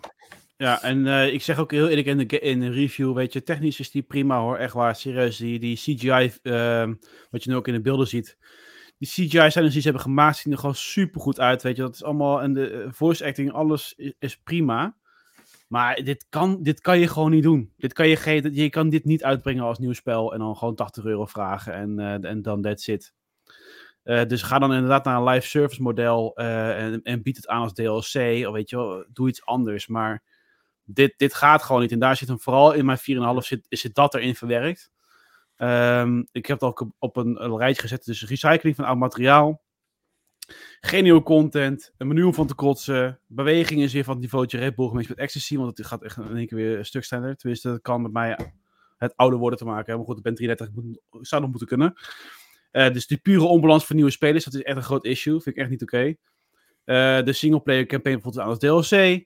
Het is een saanraapsel van oud materiaal. Het, ja, goed. Het is eh, en 80 euro het, eh, voor die weinig toevoegingen. Het is echt. eh, nee.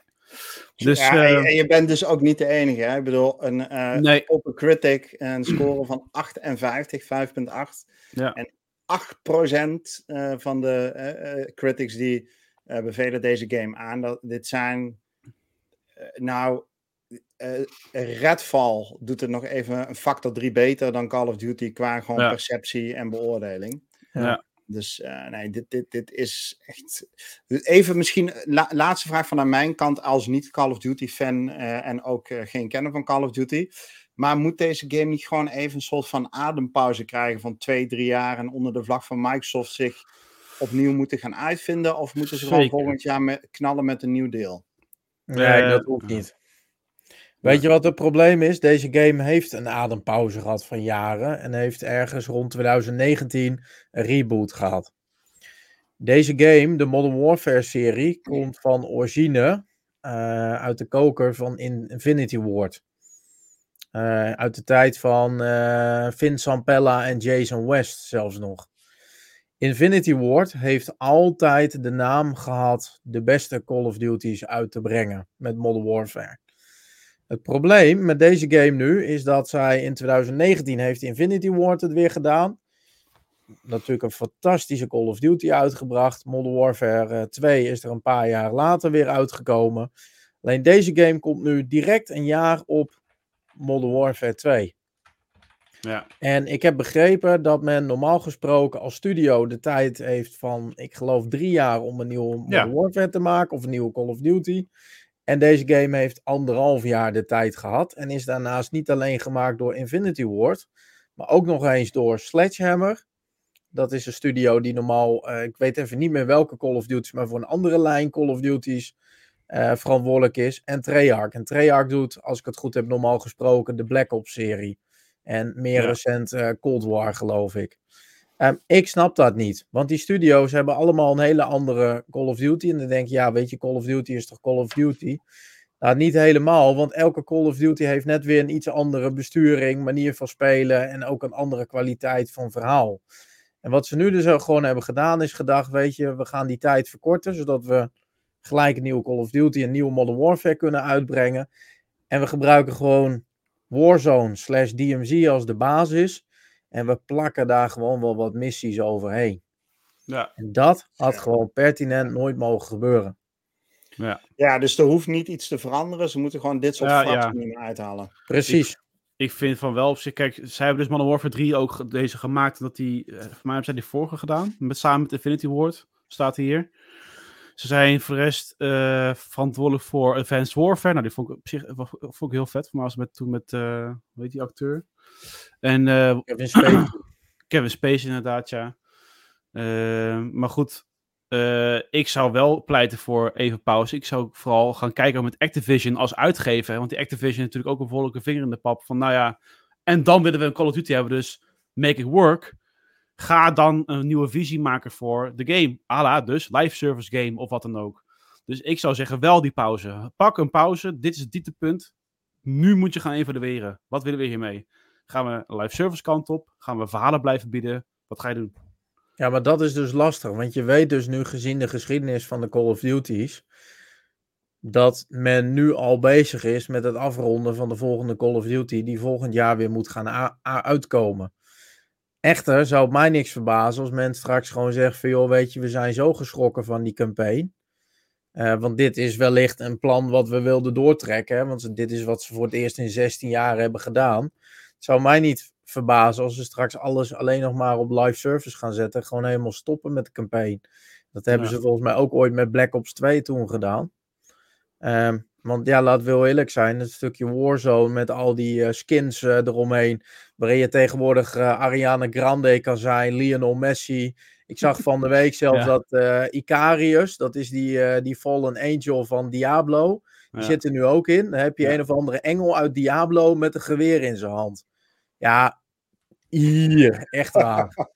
Wie verzint het? Maar ja, weet je, als het verkocht wordt, ze verdienen ermee. Dus Ja.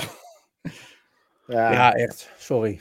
Dat- Bizar. Ik kan me er echt over opwinden. nou, dan laten we Dus- zeggen, genoeg aandacht gehad voor Call of Duty. Ja, dus dat verklaart mijn eh, cijfer, zeg maar. Ehm, goed, tot zover de reviews inderdaad. We gaan door naar de vragen. Mag ik misschien een vraag stellen? Mijn game loopt vast. De vragen van deze week. Een paar vragen. Zo soepel. Oh, Zo.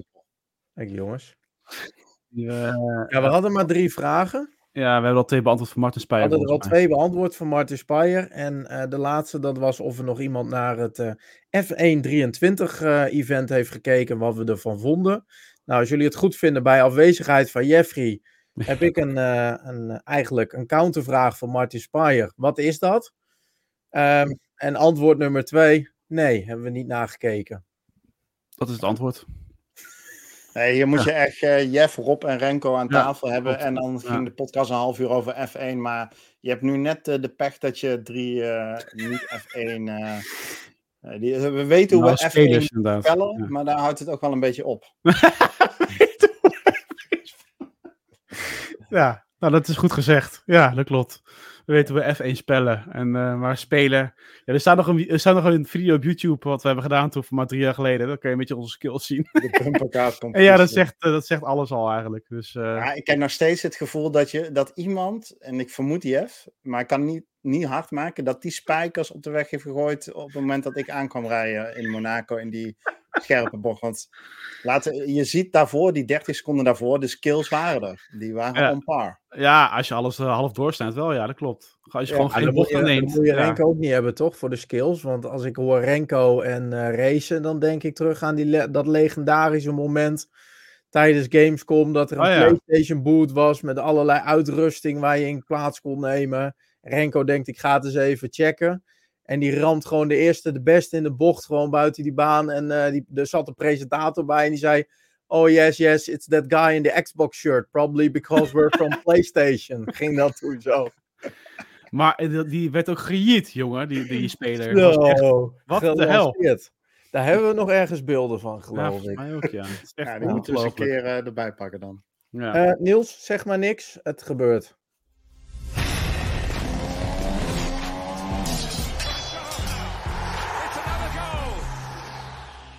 She said. Eh, Oké, eh, goed, dankjewel. Wat hebben we zelf gespeeld? Eh, Rick, wat heb jij gespeeld deze week? Eh, wat, veel Diablo.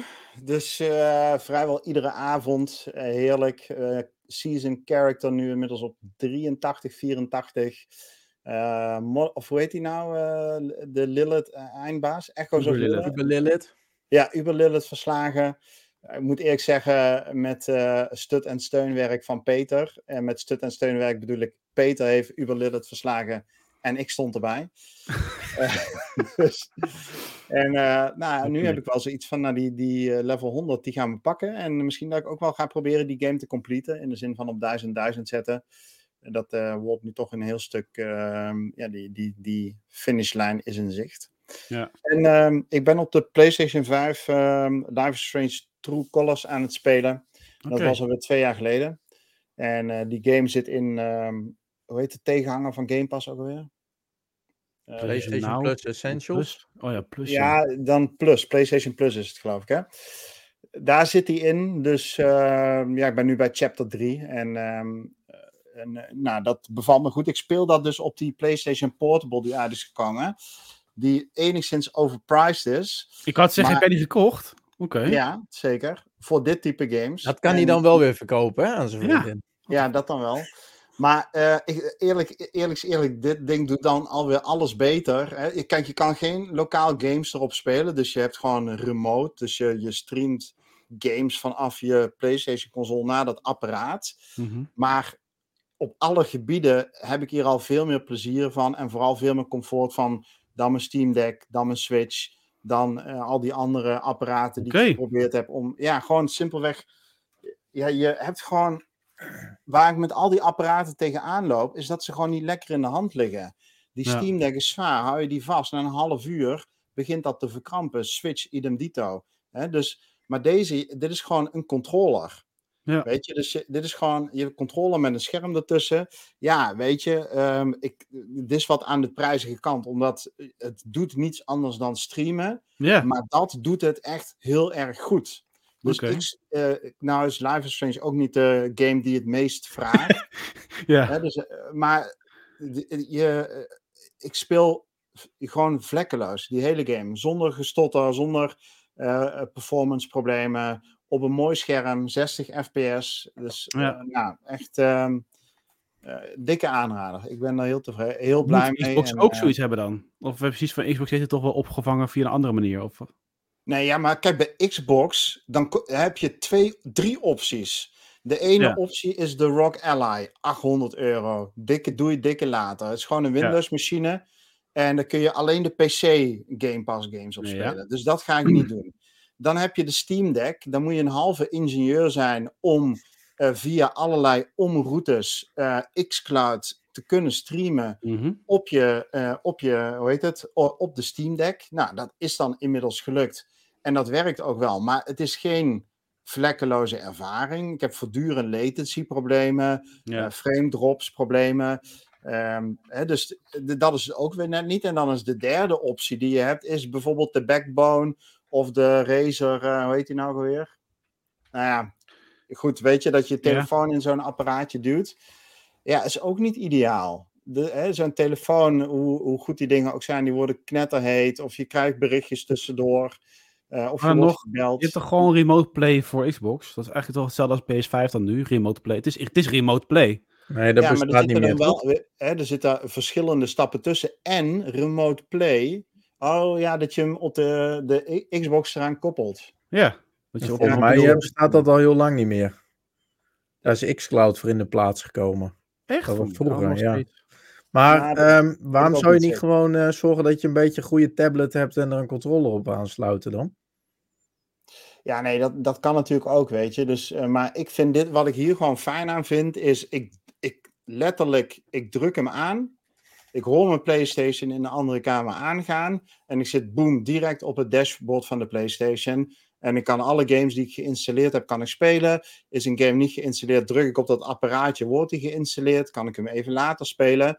Ehm, als, dit, als dit zou uitkomen voor de Xbox, zo'n soortzelfde concept, hands down. En het zou misschien wel mijn default manier worden om Xbox games te spelen.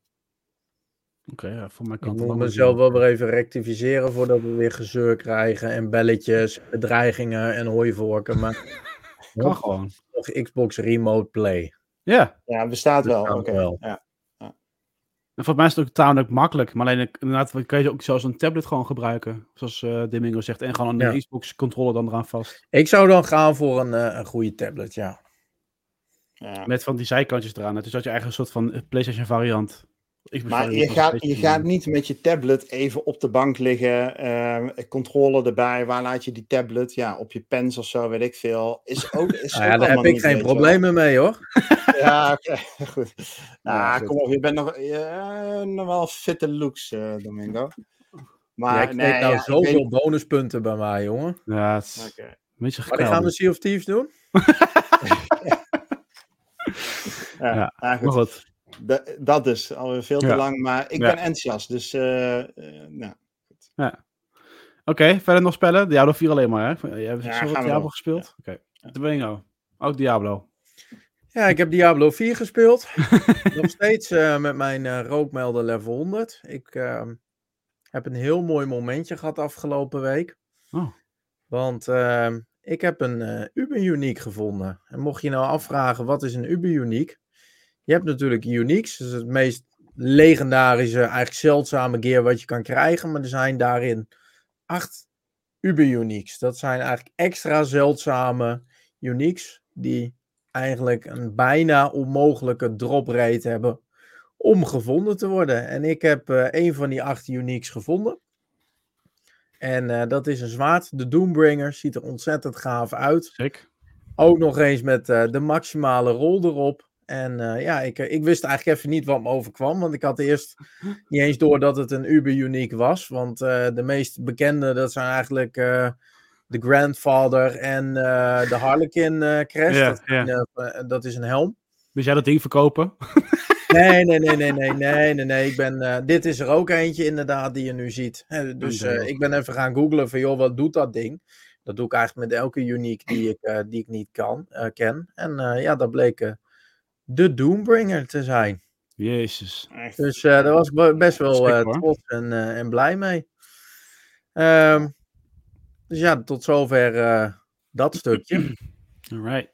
Eh, verder natuurlijk, wat ik al eerder zei. eh, oh ja, hebben we de Doombringer erbij zitten? Ja, ik zit te kijken. ik kan hem zo snel niet, eh, niet vinden. Ja, de Grandfather is ook een hele goede Die, inderdaad. ja, is Dit is hem, ja, deze heb ik. En dan moet je nagaan dat ik hem ook nog heb met eh, de maximale rol erop. Dus eh van alle dat gewoon het wel beste. lekker, jongen. Ja, ik ben er echt wel heel blij mee. En hij eh, zorgt er ook wel voor. Ja, iedereen roept Peter doet veel damage. Maar sinds ik dit ding heb, doe ik ook wel aardig wat, wat damage. Ja. Ja, dan zal ik vanavond even door de party roepen, knap gedaan, Domingo. Dat zou ik eh, heel fijn vinden. Ook eh, voor het eh, zelfvertrouwen van mijn rogue. Ja, dat komt helemaal goed. Nee, maar eh, verder, ja, eh Alan Wake 2 natuurlijk gespeeld, Ja. wat ik eerder al eh, aangaf. Eh, ik heb eh, Diablo gespeeld. Ik heb EA Sports FC24 heb ik eh, wat potjes gedaan. Tussendoor heb ik nog Diablo 4 gespeeld. Ik heb nog eh, wat, eh, wat Spider-Man 2 gedaan. Nou ja. eh, wat Diablo gespeeld. En eh, ik heb eh, nou ja, natuurlijk eh, bij Leek al wat eh, kilometertjes erop zitten in eh, de DLC. En ja, als afsluiter heb ik eh, dan ook nog wat eh, Diablo gespeeld. Lekker, lekker. Veel Diablo. Ja. Maar de game leeft, jongen. Ja, echt nice. Het, eh, het gaat nu zelfs zover dat als ik eh, s ochtends wakker word op een vrije dag. En eh, mijn vrouw ligt naast me en die zegt: Goedemorgen, lieve. Dan zeg ik Diablo.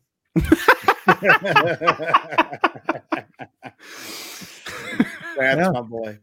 Ja. Goed. eh, en dan ik zelf nog Diablo 4 heb ik niet gespeeld.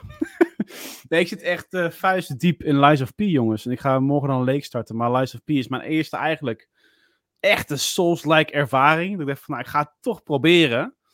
En het, het, het, nou ja, je hoort natuurlijk allerlei scheld worden door de party heen eh, vliegen. Maar ik vind het zo'n bazengame. Ik vind het zo het is zo precies het tijdperk wat ik vet vind met het Belle Époque, late 19e eeuws. Met die steampunk shit erin. Ik vind het echt, echt, echt geweldig. Dus ik vind het wel echt heel erg leuk. Dus eh, lekker ook je tijd pakken om die game te spelen, weet je wel. Het, is, het duurt even voordat je dan een baas hebt verslagen. Maar dan kun je gewoon met een soort van satisfaction naar het volgende gedeelte toe. En eh, ja, echt wel. eh, ik heb gelukkig een Rick in de party die dan gewoon even kan zeggen: van nou, doe dit wel, doe dat niet. Dus ehm, nee, wat echt eh, leuk. Ja, even Leuk voor de luisteraars, voor jullie beeldvorming. Dan zitten wij in een party Diablo te doen. En dan komt Niels binnen. En dan Gezellig. zegt hij gewoon letterlijk als eerste woordje. hey, eh, Rick, eh, heb ik met zoveel ergo al genoeg in huis om die en die bos te doen? Ja, Zeg niet eens hallo, goeiedag jongens, hoe gaat het ja ik zei, ik zei je- hallo en dat hoorde je dan, dan niet. dan, dan hoor je hem op een gegeven moment halverwege. Oké, ga ik hier al naartoe of ga ik nog even grinden? Ja, ik ga Ja. er naartoe. Oké, nee, nee, laat maar zitten. Ehm, ik ga even grinden. En dan hoor je hem na vijf minuten. Oké, ik ga het weer proberen. Oké, ik ga nu naar links. hey Rick, denk je dat ik dit stapje naar links, dat ik die al kan zetten en dat ik daar al sterk genoeg voor ben? Omdat ik dat ene hoedje al heb of niet? Oké, nee, dan ga ik toch weer even grinden. Ondertussen komen er wat scheldwoorden voorbij die niet geschikt zijn voor deze podcast. Nee, dat klopt. Ehm, gewisseld met wat eh, hulpeloos en wanhopig geschreeuw en gekrijs. Ja. Met af en toe hier en daar een vleugje overwinning in zijn stem. Dat is een beetje hoe met Niels in de party. Ja, ik had het niet beter kunnen omschrijven. Ja, nee, ik wil sowieso is dat. Ik zal volgende keer even een samenvatting doen van alle kritieken die ik hoor uit Diablo 4. Eh, iets met survivability en eh, noem maar op. Maar eh, ja, ik zal Heel goed. gaan. Ja. ja, daar kunnen we ook een woordenboek van maken van Diablo 4 inderdaad. Zo. Nee, ik vind het wel leuk. Ik zit met jullie in de part waar jullie gewoon Diablo 4 spelen. Maar het is wel gezellig altijd. Het is wel eh, tof. Nou, fijn dat dat gevoel van jou uit jou er in ieder geval nog is. En met die liefde. af en toe van deze Ja, met man, die eh, liefdevolle woorden gaan we afsluiten, jongens. Dat, eh, ik vind het wel mooi. Het is tijd geweest. Er zit echt al anderhalf uur bijna eh, die podcast vol te lullen. Maar hey, er kwam even nog even op onze website, kon nog steeds stemmen. Er kwam uit de data kwam dat het maar niet uitmaakt of de podcast nou een uur of anderhalf uur duurt. Dus dan pakken we onze ruimte ook gelijk even. Dus Ja. nou ja, bij deze. Volgende keer misschien weer iets kortere. Voor elke podcast krijg je natuurlijk, zeker met deze lengte, krijgen we even achievement krijgen nog van ons. Dus die, eh, die komt er nu eh, als goed is in. Ah, deze. En dan, eh, nou ja. Dan wensen we jullie nog een fijn weekend. Voor als je dit in het weekend luistert. Een fijne gameweek die eraan komt. En ehm, de komende weken worden spannend met een GTA 6 trailer Game Awards. En genoeg om over te spreken. Dus iedereen, tot de volgende keer. Hoi hoi.